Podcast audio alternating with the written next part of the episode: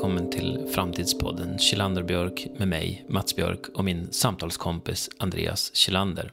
Vi är väldigt stolta över alla våra gäster och samtal, men ibland kan det kännas lite extra roligt tycker vi när vi får chansen att presentera ett samtal som vi vet kommer engagera brett, eller tror kommer engagera brett. Vi tror att det här kan vara ett sånt samtal. Det kan ju låta lite förmätet att säga så, men när Katarina Berg som är Chief Human Resource Officer på Spotify kommer till samtalssoffan, ja men då vet vi ju att det här kommer bli värdefull. Återigen, kanske inte så mycket Andreas och min förtjänst som Katarinas. För eh, Katarina och Spotify är före i mycket. Och det tror jag du kommer märka här. Katarina bjuder oss på många kapitel ur vad man skulle kunna säga är en post-covid playbook. Och några saker glimmar till ordentligt i Katarinas resonemang. Exempelvis hur deras identitet och självsyn hjälper till med deras innovation och utveckling. Är de ett ljudföretag? Är de ett musikföretag? Eller en plattform? Eller ett talangföretag? Det får verkligen betydelse för hur de jobbar. Och superaktuellt. Deras satsning på distribuerade arbetssätt och organisation. Ni som eh, går i tankarna kring hybrid, lyssna in. Deras arbete kring eh, mental ohälsa. Att eh, framförallt reducera stigmat genom samtal och att våga vara sårbara. Men utöver det också flera konkreta, strukturerade åtgärder för de anställda som inte mår bra. Och det tror ju Andreas och jag att vi är många som känt nu under pandemin. Och slutligen deras perspektiv på kultur. Och här finns det ju mycket att plocka upp. Bara en sån sak som att tänka cultural ad istället för cultural fit vid rekrytering öppnar ju för en helt ocean med möjligheter, tycker vi. Jag vill också säga att det här samtalet är möjligt genom vårt samarbete med Adyen. Adyen är betalbolaget bakom några av 20-talets ledande företag, såsom just Spotify, H&M och Elgiganten. Så att du kan koncentrera dig på att samla insikter, möta kundernas förväntningar och ta kundupplevelsen till en helt ny nivå. Så vi är väldigt tacksamma för vårt samarbete och Adiens stöd i våra samtal om framtiden. Vi ger dig Katarina Berg.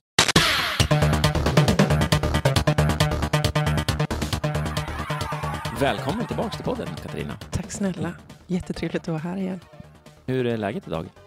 Det är bra. Det är ju eh, en grå dag, men också en otroligt eh, härlig dag. Mitt inne i det som är eh, strategiarbete och många bollar i luften. Mm. Mm. Då får du en liten poddpaus här. Jaha. En, en lugn stund. Ja, tackar vi. Det tackar vi för. Sist, jag tänkte tillbaka här. Eh, sist vi pratade med dig, eh, räkna ut här, det var ungefär tio månader innan pandemin. Mm. Eh, då sågs vi i ett, eh, ett varmt fönster, kommer jag ihåg, på, mm. på Stockholm Waterfront. Mm. Vi pratade om, eh, eh ja, men, konstaterade att eh, HRs uppdrag aldrig varit liksom, någon slags saft och bullavdelning. Mm. Eh, och med, framförallt så tänker jag att vi pratade om hur ni, ja, men, hur, hur, ni navigerar i den här globala talangpoolen. Eh, och, och, hur viktigt uppdrag det är helt enkelt. Mm. Och kopplingen tänker jag också mellan, eh, ja, men mellan HR, eh, mellan affärsutveckling och, och, och ledning. Mm. Och lite visste jag då att, att kanske HRs eh, ett av de största åren skulle liksom mm. ligga framför oss och då spelade det ingen roll vilket bolag eller var i världen man var. Vem Nej. hade förutsett pandemin och, och uh, att det skulle bli all eyes on HR. Um, så att, uh, det är väl bra ibland att man inte vet, ja. uh, eller hur? Det hade ju varit fruktansvärt jobbigt då, men jag minns det mer som en väldigt, väldigt solig dag. Mm. Och som du säger, precis uh, vid en glasvägg.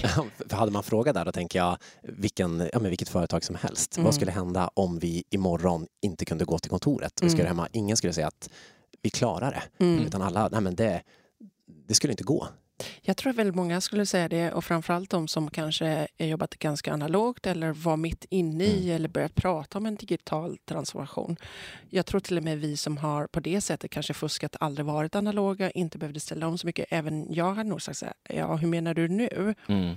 Sen ska jag villigt erkänna att, att uh, min chef då, när vi träffades tio månader innan pandemin, hade kanske varit på mig i tre och ett halvt år och sagt så här, vi ska bli ett distribuerat för, eh, mm. för, first, uh, distributed first säger vi, men distribuerat företag. Uh, och jag tror verkligen att man ska kunna jobba var som helst, um, när som helst och hur man vill. under någon form av ordnade former så att säga. Och jag hade, svårt, jag hade personligen svårt att se det då för fem, sex år sedan när, när Daniel började prata om det. Eh, eh, och vad som har hjälpt oss, som det är med alla sådana här saker som ställer allting liksom på ända lite. Mm. Det är ju inte bara till ondo. Det kommer en del saker som är gott också. Just. Och man lever i någon form av pågående experiment. Mm. Där man tillåts också öva vissa saker för att man blir forcerad och, och provar dem. Och här är vi nu. Det var rätt många saker som gick eh, som jag personligen eh, var lite tveksam runt. Och som jag, när jag pratade i mitt nätverk, där de sa, precis som du sa, det går aldrig. Mm. Men jag måste säga där själv, för jag eh, har, eh, jag känner att jag har gått i Daniels skola lite grann där mm. och har stått på barrikaderna eh, med någon form av entusiasm kring de distribuerade arbetssätten. Mm. Och du vet, så här, man pratar om alla värden och så här ska det fungera och så här Eh, vi har liksom ett naturligt nätverk där som är organiskt och, och så när jag själv får uppleva det mm. så kändes det inget bra. Nej, alltså, det var inget kul. Nej, uh, men vet du vad jag tror uh, beteendevetaren i mig säger att det är det här att vi blir påtvingade. Ja. Mm, uh, och vad vi kommer gå in i nu som är lite mer spännande mm, om, om, om, livet blir lite mer öppet och lite säkrare igen mm. även om vi är mitt i en pågående pandemi fortfarande, även folk inte bara orkar påminna sig om Nej. det är ju att när flexibiliteten och ditt egna val av mm. var du ska arbeta, om du väljer hemma eller i någon mittemellan miljö eller om du vill åka in till ett kontor och så vidare. När det är upp till dig och det är okejat från din arbetsgivare, mm. ja, då är det någonting annat. Jag tror att det här som vi bara över natt var tvungna att ställa om till ja blev obehagligt i kombination med att vi också var låsta i vårt hem. Mm. Och även om vi kanske hade familj eller en inre bubbla med vänner mm så blev det rätt mycket same, same, same, ja, same. Eh, och, och vi är ju fria djur. Liksom. Ja. Så när vi blev instängda, då tror jag att det var det snarare än att ha en hybrid eller ha, jobba distribuerat. Så jag tror att du och Daniel var på eh, det som vi andra har fått lära oss. Ja, nej, bra här, gjort. Det, det, nej, men det känns bra att höra. Jag, ja. jag delar din uppfattning också. Eh, en crash course mm. i, liksom, i distribuerade arbetssätt som gick bra, men kontexten var ju inte härlig med nej, pandemin. Nej, det var den verkligen inte. Ja hur, eh, trots då tänket att det hade påbörjats, mm. jag tänker hur har, hur liksom tongångarna gått från, vad, vad hör du från medarbetarna? Hur har liksom upplevelsen varit eh, under, under pandemitiden får man säga? Då?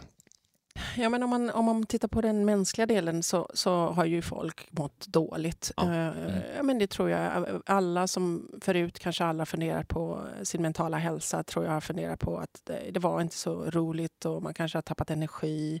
Man kanske har känt sig håglös. Inte alltid, men vissa dagar. Man har saknat den sociala interaktionen med andra människor.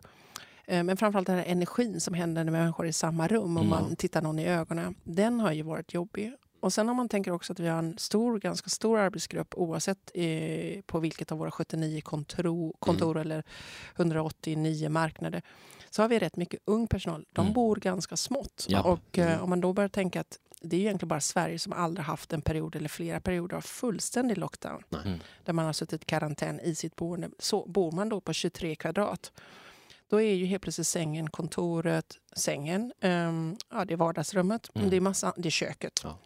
Så att, har man inte, men vi har ju inte mått sämre än andra företag uh, såklart.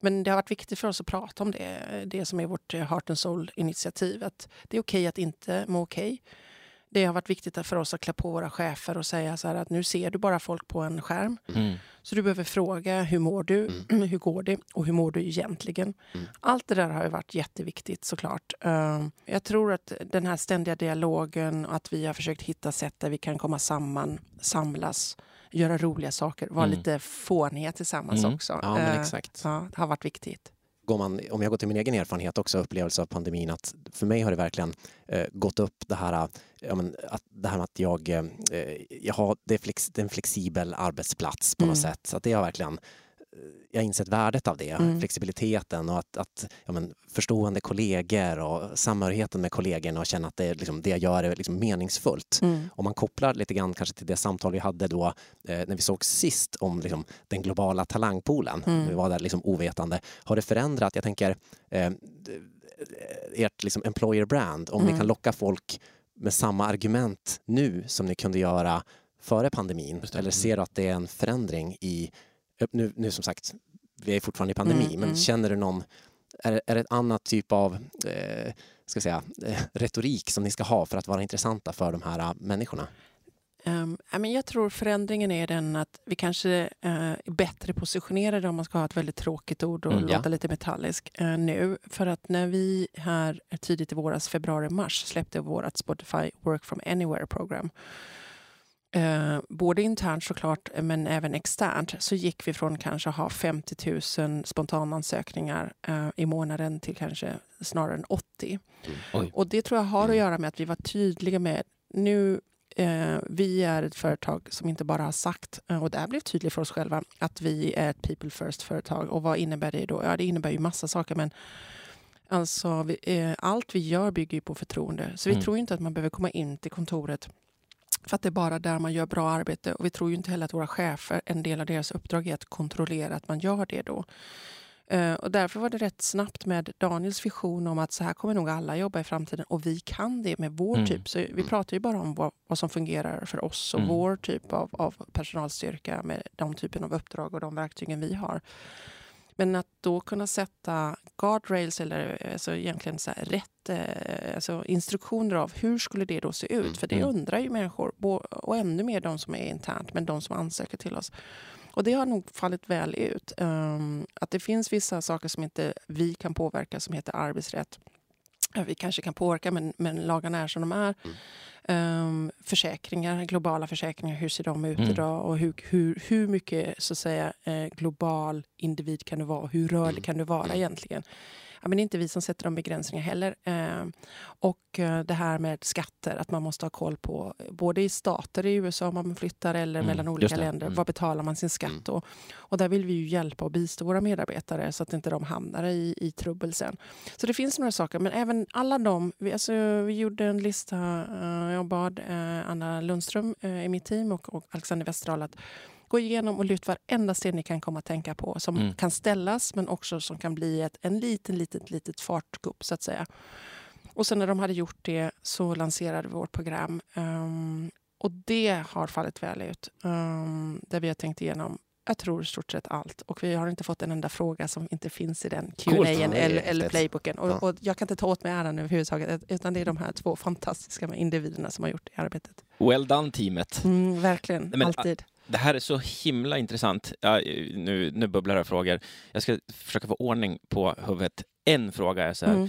Mm. Eh, det är svårt att leda ett företag, tycker jag, eh, inom ramen för en kultur. Mm. Alltså typ Sverige. Mm. Bara som nu pratar du med två Sundsvallare här. Mm. Bara skillnaden mellan våra Stockholm och Sundsvalls kontor kan vara en liten skillnad i kultur och därmed i arbetssätt och liksom lite såna här saker. Mm. Eh, Så hur, hur får man det här att funka? Bara så här förväntan som finns på er, på alla de här marknaderna, på alla de här kontoren. Eh, strukturella aspekten av den, den, den måste man ju vara tydlig med, men det kommer ju också... Jag tänker det finns så många kulturella frågor eh, som blir så olika. Ja. Hittar du en fråga här? Ja, jag hittar nog några stycken frågor. Ehm, ja, men oh, vad ska man börja med? Nej, men ja, på ett sätt är det svårare, på ett sätt är det lättare. När Mm. alla så att säga, som räcker upp handen och söker till ett företag som är 100% globalt, Mm. eh, redan när de ansöker om det, tror jag är medvetna om att kulturen blir inte en svensk kultur eller en amerikansk kultur en- eller en bra- brasiliansk kultur och så vidare. Det blir ju då om man väljer att luta sig in och bestämma sig för att man ska jobba med den aktivt. Det är en Spotify-kultur. Japp.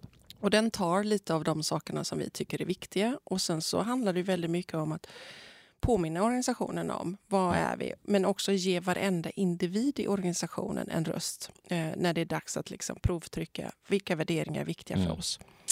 Vilka beteenden vill vi se här? Vad vill vi absolut inte se? Hur gör vi saker? Ehm, och också eh, påminna om vilka rötter, var vi kommer ifrån, vad som är en del av vårt DNA och Mm. vad, vad som just nu får djuret, om man får uttrycka sig så, Mm. Mm. eller mekanismen eller organismen Spotify att ticka och gå. Vad, vad är det för saker? Mm. Och om man blir för kär i en kultur och börjar prata om att den ska vara stark, eh, då tror jag man är farligt ute. Jag tror att den ska vara relevant Mm. för varje tidsepok. Och om man förstår att kulturen är eh, byggd av individerna i organisationen, och individerna i sig i sin tur är organisationer så är den på en ständig resa. Japp. Och det finns så många, både vd men kanske också andra chefer, höga chefer som då klamrar sig fast vid ett speciellt skeende. Det, Mm. Då det var bättre förr eller kommer ni ihåg och, och så vidare. och så vidare. Eh, Men om man har en förståelse för att det där ska utvecklas under tiden men det finns vissa saker man vill påminna folk om Mm. för att eh, det är också det som blir små grodorna på midsommar. Det är också det som blir Mm. Det. på Mm. julafton. Det är det som gör att vi är ett lag eh, oavsett om vi sitter i Singapore eller Sydney. Mm. Så man får vara klar på vad de attributen är, man får vara klar på vad man vill trycka på och påminna. I dessa tider konstigt att säga vaccinera, men Ja. det är vaccinering och det är AD-droppar. Mm. Men också våga släppa. Igen förtroende. De som jobbar här, det är de som sätter kulturen. Mm. Jag älskar det här också hur du beskriver liksom er som organisationen som djuret. Mm. Eh, jag älskar med nat- Mm. naturliga, vi har varit inne på det tidigare, titta på Mats här. Eh, eh, och du nämner också tidsepok. Mm.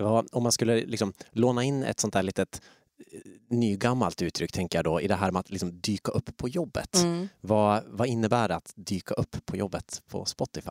Ja, men nu och framtiden så kommer det betyda att man antagligen vill träffa sina kollegor Mm. och man vill ha det som forskarna pratar om, det tredje rummet. Alltså även de här spontana träffarna som inte bara bokade möten eller Just det, planerade ja. möten.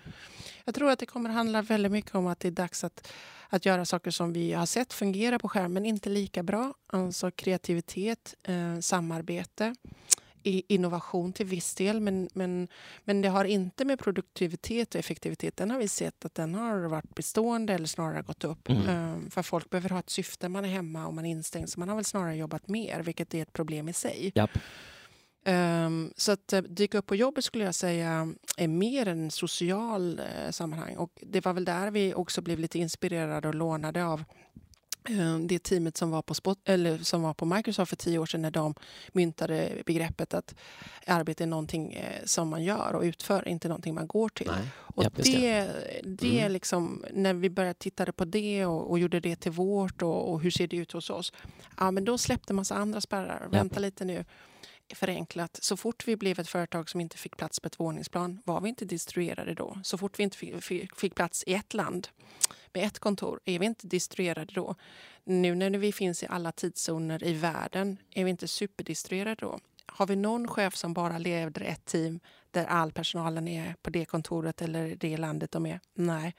Ja, vad är det vi väntar på då? Mm. Eh, och är vi inte 100% digitaliserade redan och jobbar vi inte... Men den här treenheten mellan människor, plats och teknik. Det tror jag att det visar sig ganska så att människorna var nog nästan där då med hjälp av fast forward under, under, under pandemin. Platsen, ja men vi, vi vill inte göra oss av med några kontor. och Det här är inget sparprojekt som vi lanserar utan vi ska ha dem kvar. Men då kanske vi ska agna de här, vad vi trodde kanske 10 som sen blev 17 som nu är nästan 22 månader in någon har varit på konto. Vi bygger om dem till Mm. det vad vår personal säger att de kommer använda dem i framtiden. Och sen tekniken. Tekniken är väl den som har släpat efter. Vi har väl alla sett vad som har hänt med Teams eller Mm. Zoom eller Mm. Hangout. Liksom. Det har kommit nya saker. Eh, och när jag säger att den släpar efter så är det väl så här, eh, det finns fortfarande kanske inte ett eller flera som man kan välja mellan där man kan arbeta a- asynkroniserat. Ja, precis. Utan vi har en idé också om att vi måste jobba samtidigt i samma rum på en whiteboard eller vad det nu är runt ett bord för att det ska bli bra eller att det ska kallas samarbete. Det i kombination med hur skapar man en, en känsla av samhörighet när alla är distribuerade eller i alla fall 50 procent är det på en daglig basis. Men två tankar som ploppar upp här nu. Den ena det är eh, någon smart sa, och jag kan inte referenserna och du kan säkert det här Katarina själv, men alltså, eh, vi pratade om skillnaden mellan fysisk och virtuell distans. Hur viktigt det är att förstå att det är den virtuella distansen som man ska eh, så här, försöka fokusera på. Mm. Alltså för man kan sitta bredvid varann men inte ingå i någonting tillsammans Mm. och sådana saker. Det tycker du touchar på Mm. väldigt mycket nu.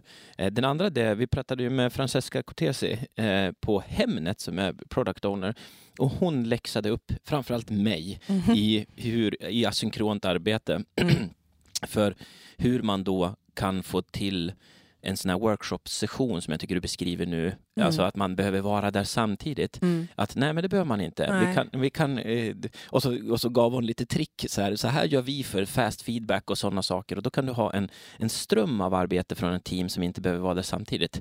Och, det, och då, liksom, då tycker jag ändå jag har jobbat i branschen själv 20 plus år och har inte fattat att ja, mm. ja men det är klart man kan ju så. Mm. Så jag var fast vid den där whiteboarden i det där rummet. Det var min mentala modell som var fel för hur samverkan skulle vara. Liksom. Ja, men, bara... men det är också så att om man tittar på de stora paradigmskiften, mm. ja, och de har varit ganska många år, ja. Eh, och, och, vi kan dem alla för vi har alla gått i skolan. Mm. Och det, det är jordbrukssamhället och sen är det industrisamhället och sen någon form av information eller samhälle. Och jag tror att vi är inne i distribuerade, eller i alla fall ja. vi har bettat på att vi är det. Och det mm. innebär vissa saker. Och då säger vi att till exempel att när det kommer till distribuerade så tror vi, i alla fall som vi orkar se nu, att mm. det är mm. fem steg och att vi kanske är på det andra. Mm. Och det vi verkligen behöver naila framöver, det är precis det hon är inne på och det vi pratar om nu. Hur jobbar man ännu bättre? För du måste ta dig ur vissa modeller mm. som faktiskt har fungerat bra. Mm. Och det är det som är intressant, att det som har varit winning bet för dig eller din organisation eller ditt team mm. kan faktiskt väldigt snabbt bli ett losing bet. Ja. Um, och sen är det vissa saker när man går in i de här nya paradigmen eller erorna eller faserna mm. eller epokerna. Ja, men det är helt öppen. Det är open bets. Vi mm. vet inte. Uh, och det är därför jag tycker det är så intressant när vi lanserade det här programmet. Mm och det här arbetssättet, eh, det är som de flesta journalister får. Så här, ja, men vad säger forskning om detta? Eller till och med forskning säger att detta är dåligt. Mm. Jag vågar hävda att det finns ingen forskning Nej. på just detta än. Nej. Eh, så vem vet? Eh, och då är det viktigt att vara ödmjuk. Vi har inte alla svaren.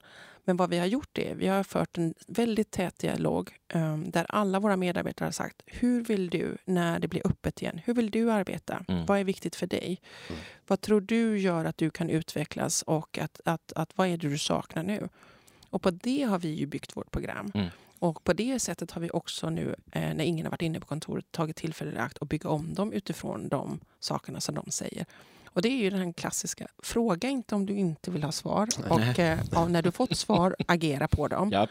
Men, men eh, jag tror att eh, det är inte så konstigt. Jag tror att vi alla har varit låsta i vad som har fungerat. För det fungerade väl då. Japp. Nu går vi in i något nytt mm. och då måste vi orka rasera en del saker eh, och vara väldigt öppna i sinnet av eh, saker. Men framför allt kan inte racka ner på dem som vågar eh, leva i kaos, leda i kaos, prova på nya saker. Mm. Och sen så kommer vi ju säga så här, nej det där, får, det, det där funkar inte, det var en bra idé. Eller, mm. Det där måste vi göra mer av. Det där måste vi börja göra nu. Eh, och varför har vi alltid gjort så här? Och det är svårt att skifta tyngden från det vänstra benet till det högra benet Absolut. när man inte riktigt vet var man sätter ner foten. Men att inte göra det nu och inte förbereda sin organisation Nej. för att att må väl och kunna jobba i en ganska kaotisk värld, mm. det tror jag kommer vara ganska så farligt. Och att inte erbjuda flexibiliteten och friheten för dina anställda kommer göra att du inte kommer vara lika attraktiv som en arbetsgivare. Nej. Får jag leka lite med begreppet? Work from anywhere heter mm. programmet där. Mm, vi säger manywhere nu, ja, manywhere. för att det kan inte vara anywhere i pandemin. Men... Får jag lägga till ett ord där då? Smanimare, eller liksom start work from anywhere. Mm. För att jag tänker också att ni är ju på tillväxt mm. och ni har ju verkligen... Eh, vi, nu får jag känslan också att vi pratar av, av liksom befintliga, de som är ombordade mm. verksamheter. Vi snackade med Tobias eh, Lind på Adyen mm. bland annat mm. om att bygga just det digital kultur, att omborda mm. till någon form av ja, där man inte har setts helt mm. enkelt. Hur, mm. hur har ert, vad var det liksom utmaningen kring att omborda de här nya medarbetarna? Ja. För ni har fortsatt växt. Ja, det har ja. vi gjort. Vi har inte stannat av i vår hypertillväxt eh, överhuvudtaget. Eh, så det var ju faktiskt en sak som bland många som vi fick vara tvungna att ställa om, inte under en tid utan över en natt. Mm. När du anställer ungefär 150 människor i månaden mm. Eh, så är det klart att alla de ska onboarda. Och när, på tal om mindset, mm. när en av de sakerna man har tyckt var krov, krov, alltså juvelen i kronan och man bara, ja, om vi ska vara nöjda med någonting så kanske det är våra introdays, hur vi introducerar och hur vi onboardar folk ja. in, till, in i organisationen. Och Det har vi gjort fysiskt. Oavsett vad du har haft för roll, oavsett var du har varit placerad, oavsett var i världen så har man varit i Stockholm. Dels för att vi har svenska rötter och det kanske inte är helt eh, lätt att förstå. Dels för att vi har velat komma samman och dels för att vi har velat bygga ett nätverk för dem. Så att när de har träffats um, då i sin omgång, ungefär 350 personer um, i Stockholm och förstått lite mer om Sverige, svensk kultur och svenskt ledarskap och, och så vidare. Och så vidare. Men, men också väldigt mycket såklart fokus på, på Spotify och, och vilken riktning och hur det fungerar och vår rytm och så vidare. Ja, då kunde vi ju inte det. Nej, och då skulle det bli någon form av digital, virtuell värld. Mm, och jag är ju fruktansvärt imponerad hur teamet gjorde det och eh, enligt alla som har gjort det eh, så har de ju varit nöjda och de tyckte att de har fått sin kompass och sin riktning och förstått och känner att de har fått sin mentala klubbbläse på sig mm. och förstår att det är, det är Spotify de spelar för och känner sig stolta. Men är det någonting som jag tror att vi kommer slå tillbaka så fort vi kan, eh, om man kan switcha en knapp, så tror jag att vi kommer få tillbaka våra introdays live. För att dels talarna um, um, uh, och dels publiken, uh, alltså våra nya bandmedlemmar, säger att det var någonting som saknades. Och återigen på forskning, för vi mäter ju allting och ja. vi följer upp allting. Men uh, det är väl när vi nu kan ge de här en möjlighet att komma tillbaka till gånger där de faktiskt kan säga så här, åh, nu vet jag vad ni pratade om. Mm, eller den här sista delen, känslan av kulturen eller samhörigheten. Eller som jag har några i mina egna team som säger så här, ja, vi har ju faktiskt aldrig träffats och det har vi inte. Uh, och då har de varit hos oss snart i ja, uh, två år. Mm, det, det känns ju märkligt. Ja, så det funkar, det går bra. Uh, de är ju produktiva. Då är tillbaka på det, de är produktiva. Men ehm, eh, um, pratar de om eh, resan, erfarenheten, kulturen med samma glöd i ögonen? Ja, det får ni fråga dem. Men jag tycker att jag ser en viss skillnad och jag mm. tycker inte att den är starkare. Så jag, eh, vissa saker jag vill ha tillbaka. Men jag tror tillbaka till hybriden. Det kommer vara en mix. Mm. Jag tror att det är vissa saker vi aldrig kommer göra uh, i 3D igen. Och sen finns det många saker som kan, kan inte vänta förrän vi kan göra den och som ett valbar. Det är säkert så att man kommer kunna välja om man vill åka till Introdays då, eh, och kanske vill följa den digitalt. Det blir spännande då hur man, hur man ska agera här. Vi mm. hade en rolig sån, eh, liksom, igår, en liten anekdot. Jag och Mats gick och tog en, en öl mm. igår, varvid en, en herre kom in och skulle beställa mellan oss och ställde det första liksom, frågan till oss. Hur gör man nu? sa han.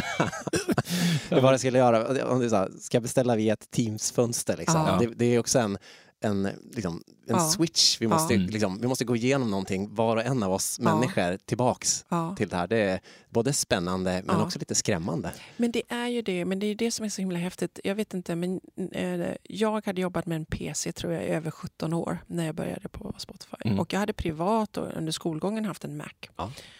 Uh, och det där var ju kämpigt den där övergången, att man hela tiden gick upp med ögat i, i fel hörn mm. och skulle stänga ner saker mm. i en vecka. Mm nu, om jag eh, sitter med någon som har en PC, då kan jag höra mig själv säga, nej men herregud vad svårt.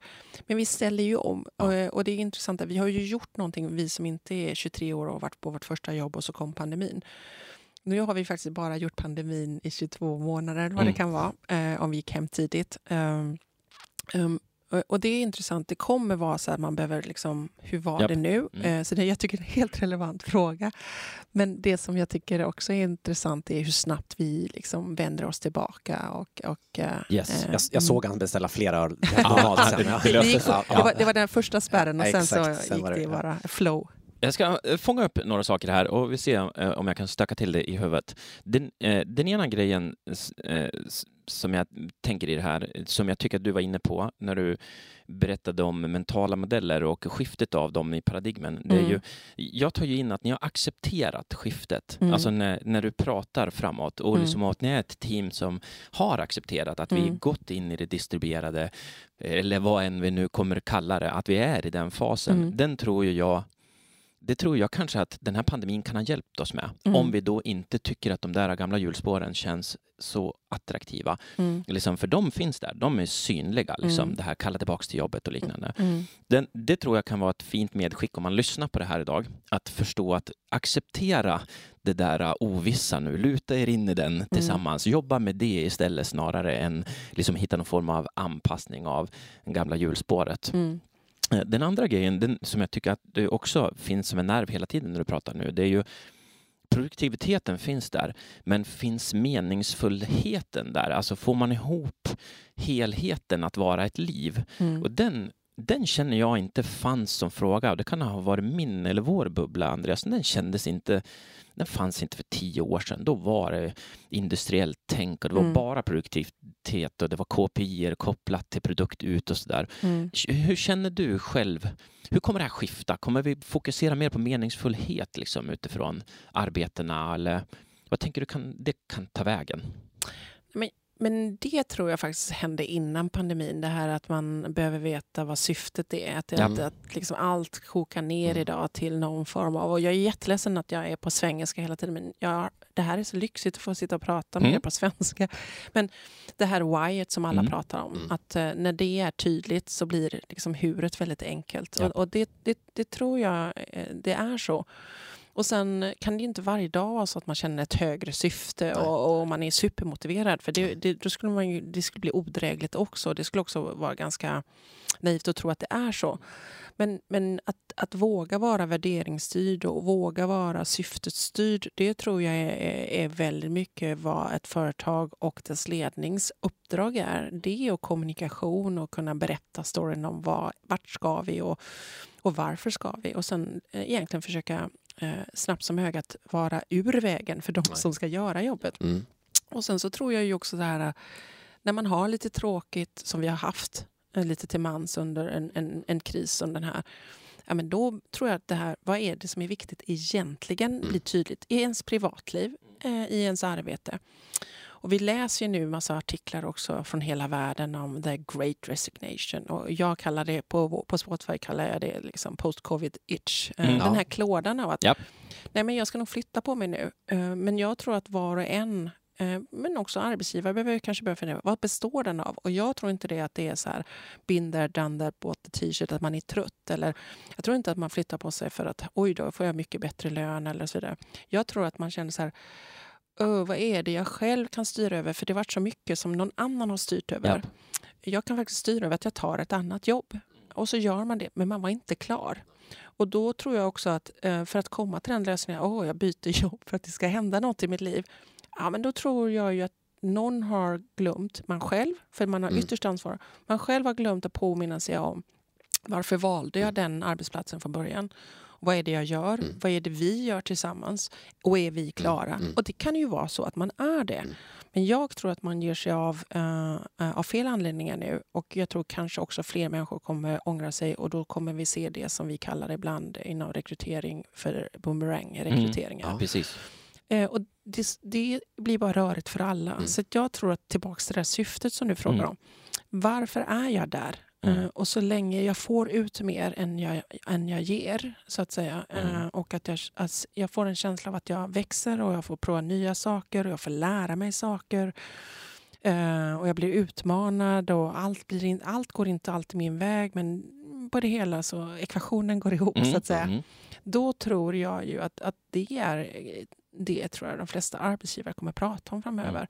Men jag tror också man kommer ställa krav på sina smarta medarbetare. Du måste själv liksom, uh, ha klart för dig själv uh, varför är du här. Mm. Och jag tror den här gamla frågan om Ja, men jag, folk som, nej men jag mår inte bra eller jag trivs inte av, av anledningen att jag inte riktigt förstår vad min arbetsgivare håller på med eller jag kanske inte är riktigt enig med min chef. Mm. Men att inte göra ett val är ju också ett val. Mm. Och det säger nästan mer om dig än din arbetsplats om du är kvar om du inte trivs. Ja. Var inte det. Nej. Men lämna inte om du trivs. Jättebra. Det finns många grejer som vi kan plocka upp, plocka upp där. En är just den där, eh, ja, men självupplevt. Jag tycker ju in, jag gillade inte att inte få bestämma under pandemin. Mm. Vi etablerade lite det, eh, alltså det distribuerade arbetssättet fine, men liksom kontexten inget kul. Mm. Så, och då finns det, jag är inte klar, reflektivt klar över varför det inte kändes bra. Mm. Eh, man håller, håller ju på att jobba med den. Ja. Liksom. Och, och, för ur det så kan det ju komma ny kunskap, tänker jag. Mm. Eh, och att man kan bli mer on point med vad det var som faktiskt fungerade och inte fungerade. Eh, och en stor del av det, det är så här, ja, men det, det, det, för mig blir det psykisk ohälsa. Mm. Alltså, så här, ja, det mm. kändes inget bra. Jag mm. kände mig depp deppig mm. eh, runt omkring och vi pratade jättemycket om det. Vi pratade jättemycket om det, Andreas. Mm. Eh, ja, men det, varför känns det inget bra? liksom så mm. Har ni har du, för jag läste, jag fångade upp på bloggen, HR-bloggen som jag har, Mm, mm. att ni gör arbete med psykisk ohälsa också. Mm. Kan, kan inte du berätta om liksom, initiativen som ni har och vad ni har fångat upp? Och Mm. Det finns någon nuggets av kunskap som ni har fått där också. Jag kan få dat ha datum fel nu, men 2017. Mm. eh, så det var knutet både till en person men också en tanke jag hade. eh, av att vi, vi gjorde inte tillräckligt mycket inom det o- Just det. området. Mm. Eh, och jag tyckte inte heller att vi fick till det och att det inte riktigt var rumsrent eller i alla fall inte någonting som arbetsplatser pratar så Nej. himla mycket Nej. om mental ohälsa. Nej. Och så skulle den här individen komma tillbaka från föräldraledighet eh, och så hade jag en idé om att oh, vi ska ha en dedikerad resurs för när vi har det oftast hos oss um, så händer det mycket grejer. Då kan man tycka en resurs, vad kan den göra för idag då kanske 7000, nästan 8000 människor. Den kan göra väldigt mycket, framförallt om den är väldigt smart. Och jag pratar om en kvinna som heter Linn Kaldas och så hade jag en idé om att jag ska göra det också till en del av arbetet på Diversity, Inclusion and Belonging. Det ska Ja. inte vara någon sån här eh, satellitfunktion på Nej. HR. Utan det är också ett commitment som är viktigt och en Ja. av våra hörnpelare på, på liksom HR eller people-strategin. Så kom hon tillbaka och så pratade vi om olika... Och så gjorde hon något klokt. Hon frågade, som vi alltid gör. Just det, ja. Hon frågade Mm, alla, mm. vad är de viktigaste grejerna? Mm. Eh, och då var det inte de sakerna som jag trodde. Eh, för jag trodde att det var eh, det, det kan vara allt från missbruksfrågor och hur hanterar vi det? För det är klart att vi inte är intresserade av att på något sätt bli av med missbruken utan missbruket och hjälpa till med det. Mm, för det är en stor och viktig distinktion. Och jag trodde kanske att det var så här, kan vi få bort stigmat när det gäller mental ohälsa? Mm, De två frågorna. Men Mm. sen är det ju så mycket annat. Så då började hon arbeta och ganska så snabbt så hade hon 18 ja, mental health-ambassadörer från olika delar av organisationen som Mm. hjälpte henne. Och de är, upp, de är 50 idag. Och sen bestämde vi oss för fyra områden som de ska arbeta. Och då var det det här att eh, faktiskt ganska så snabbt säga eh, i organisationen och få igång konversationen om de här Ja, frågorna har varit Precis. viktigt. Så det här med information, ehm, också utbildning. Mm. Ehm, och låta människor som är rätt centrala, vilket är ju då synligast, är kanske företagsledningen eh, och vår liksom, VD, att prata om egna och vara modiga nog och, och dela med sig om egna Mm. erfarenheter. Och så gjorde vi det. Eh, och, och som sagt, och så döpte vi det till Heart and Soul. Eh, och i det initiativet så är det fortfarande så att det är informationsträffar och det är olika talks, externa som interna. Vi har uppmärksammat nu flera år på raken och så kommer vi göra nu snart, för nu är det snart Mental Health Day, där vi dedikerar en hel dag. Vi, vi erbjuder headspace till alla de personer som behöver eh, och tycker att det är och ligger också i linje med liksom, om man är ett audioföretag Mm. såklart. Um, och vi påminner om de resurserna och den hjälpen man kan få av, av professionell liksom, terapeuter och allt det som finns. Men sen gör vi massa andra saker som också är viktigt och det är ju det vi tror att genom att prata om detta ofta och, och väl och, och som jag sa påminna folk om att det är okej att inte vara okej. Ehm, så, så tror vi att vi gör en nytta både på arbetsplatsen men kanske också i samhället förlängt. kan låta otroligt pompöst men att ta bort stigmat runt Mm. det här. Ehm, för, för det brukar ju vara liksom fyra, en av fyra. Men vad vi har lärt oss under pandemin det är ju en av en som har drabbats på Ja, ett eller annat sätt. Ehm, så den här frågan blir bara mer och mer eh, relevant och mer och mer akut skulle jag säga, Mm. men också aktuell. Så vi gör en uppsjö saker och initiativ. Och de har ju blivit synligare under de här månaderna såklart. Mm. Folk har ju velat prata mer, vill ha mer hjälp. Så nu har vi ju också det vi kallar first aiders i organisationen. Mm. Så mycket aktiviteter. Jag tycker det är det här jag tycker är så spännande med dig och med Spotify också, att det är verkligen, jag hör ju innovation vänd inåt på något sätt. Mm. Det är kreativitet fast inom, liksom, Mm. inom HR-disciplinen. Mm. Och även de här, den här individen du berättade om där som har den här titeln. Jag såg lite kul också, eh, Harvard Business Review, de hade liksom lyft upp lite HR Jobs of the Future. Mm. Och då var det liksom immersion counselor, genetic diversity officer, eh, human bias officer Mm. och massa olika typer av spännande. Man blir nyfiken på vad de här människorna skulle kunna göra för skillnad Mm. för människor Mm. i organisationen. För jag tänker ni också, eh, ert fokus ska vi säga också på, på människor är ju helt rätt tänker jag, för ni vet ju inte vad era liksom, produkter ska vara imorgon. Så att, så att det, Nej, fokus och- där gör ju ja. att det, ja. och jag tror att det är viktigt också. Och jag tror att det gäller så många branscher. Men om man faktiskt funderar på, lite som vi pratar om, är vi, är vi ett musikföretag, är vi ett teknikföretag, mm. är vi ett plattformsföretag, är vi mm. ett mediaföretag? Mm. Um, vi brukar säga att vi är ett talangföretag. Uh, och är vi ett talangföretag så handlar det ju väldigt mycket om att ta hand om dem. Och då gör vi ingen skillnad på talang och talang, ung eller gammal. Um, uh, erfaren eller inte erfaren och all, all, alla de begreppen som du kan också lägga in i, i liksom diversity eller, eller mångfald. Mm. Alla de sakerna. Men det betyder ju också att vi måste möta och stötta, stötta personer där de är. Och att vi alltid rekryterar inte för liksom culture add-on, ja. inte culture fit. För Nej, att eh, mm. när alla tänker lika tänker oftast ingen särskilt Nej. mycket Nej. efter ett tag. Och det blir också inte, speglar inte våra lyssnare och inte våra eh, artister och kreatörer. Så det, jag tror att det är viktigt att förstå att alla är vi drabbade och mental ohälsa är unik. Mm. Mm. Uh, och vad kan vi göra först och främst? Ja, men vi kanske inte kan ha lösningar för alla. Och det är inte så att alla lösningar kanske är arbetsgivarens ansvar.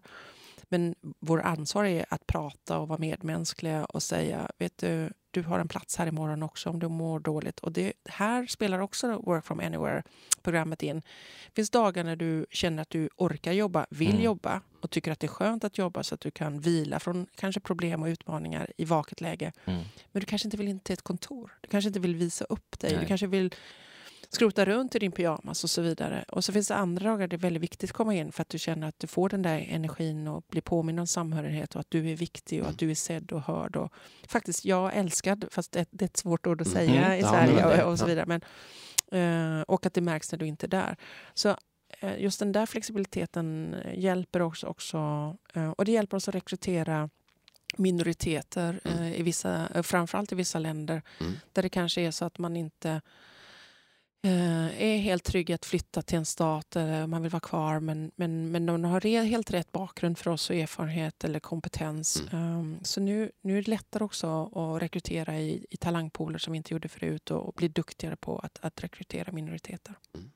Grymt. Eh, jag måste reagera. Det, det, är fantastiskt att sitta och lyssna på. Det är så mycket tankar som pågår. Jag måste lyssna på det här avsnittet tror jag 40 gånger själv sen. Eh, jag tycker det finns kanske ett till epitet som man kan ge er på Spotify eh, och det är ju att liksom forskning pågår. HR-forskning pågår. För, jag, för, för liksom bara det där att vi är inne i en ny fas nu. Vi accepterar det runt bordet här när vi sitter och pratar. Det andra är att vi har en utmaning utifrån psykisk ohälsa generellt liksom mm. i världen. Mm. Eh, vi är på någon form av återupptäckt vad det är att vara människa eller någon form av utveckling. Och så sen så har ju ni, och det här tycker jag ni har fångat upp, det är det jag tycker du har berättat, ni har fångat upp det och liksom har initiativ igång då för att upptäcka hur, hur fan ska man göra det här bra då? Mm. Mm. Så eh, ur det så kommer det komma en herrans massa insikter framåt, tänker jag. Eh, och det har ju kommit hittills också. Men det blir ju det blir väldigt spännande att följa helt enkelt. Ja. tänker jag. Ja, det blir jättespännande och det är ju sån där skräckblandad förtjusning. Men, det, men man måste också förstå att viss, all data, det handlar ju inte bara om att, att liksom samla ihop eh, datapunkter. Man ska också så att säga, dra slutsatser av dem. Mm. Och så kan man ibland bli färgblind och fartblind in, liksom internt. Mm. Så då har vi ju, nu samarbetar vi och bestämde vi samtidigt som vi lanserade programmet att vi samarbetar med bland annat Handelshögskolan och ett, mm. ett gäng forskare där. Och sen så um, för vi dialog även med... Um, jag, jag, tror att det är fortfarande så att vi för dialog med ett gäng forskare på Yale och Harvard för att de ska utifrån och in titta på mm. våra ja. datapunkter också. Ja. Um, Uh, och det är samma sak där. Folk frågar så här, ja för ni vill titta hur produktiviteten mm. blir. Mm, nej, vi vill titta på vi vill titta på några saker faktiskt framförallt. Vi vill titta på hur folk mår. Mm. Det är jätteviktigt för oss. Hur kommer det här gå? Det här experimentet, uh, hybrid slash distribuerat. Yep. Uh, och för oss mer distribuerat.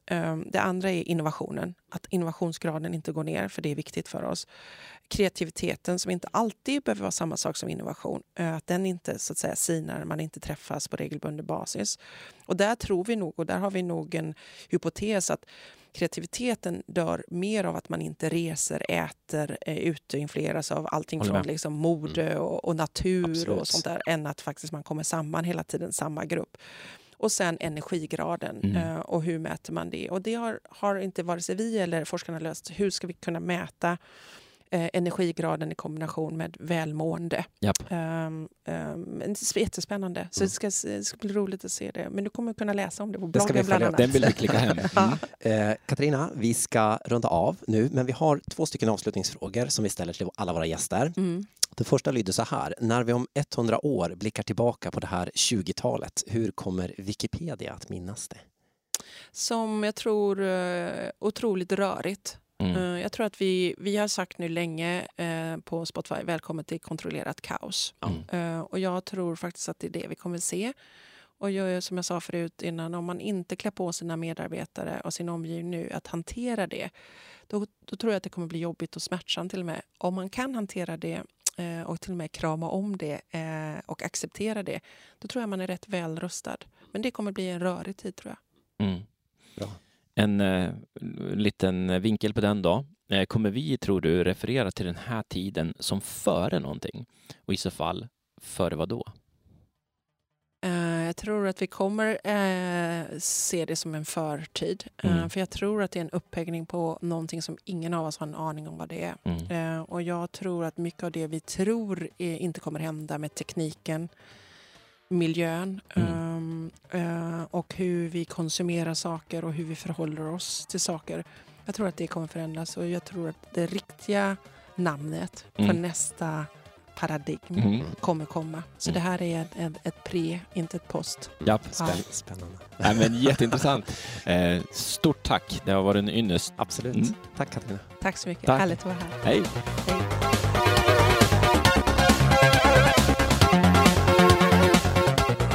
Gillade du vårt samtal? Kul! Vi eh, jobbar ständigt på att öka värdet för dig som lyssnar och är enormt tacksam för feedback. Så sök upp Andreas Kylander eller mig, Mats Björk, på LinkedIn, Twitter eller på vår Instagram och veva fritt. Vi uppskattar självklart också din prenumeration om du vill få ny inspiration, ny kunskap och nya perspektiv på framtiden varje vecka. Och gillade du Katarina Berg och eh, HR-frågor kan jag berätta att vi släppte ett samtal med henne tidigare, den 6 maj 2019 och det heter 0510 Katarina Berg Spotify. Den finns i din feed om du prenumererar, annars söker du bara på vår sajt kilanderobjork.se. Vi nämner också Francesca Cortese från Hemnet när vi pratade arbetssätt i avsnittet. Asynkrona arbetssätt för att vara specifik. Och vill du få en kunskapsboost om produktägande och sådana arbetssätt rekommenderar vi avsnitt 0919 Francesca Cortesi och produktägarens paradoxer. Det släpptes 17 juni i år. Stort tack för ditt engagemang.